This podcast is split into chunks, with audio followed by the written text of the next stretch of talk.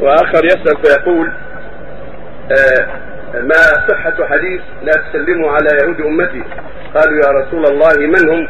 قال هم الذين لا يشهدون صلاة العصر. لا أصل لهذا. لا نعرف لهذا أصلا وإنما الثابت قوله صلى الله عليه وسلم لا تبدأ اليهود ولا النصارى بالسلام.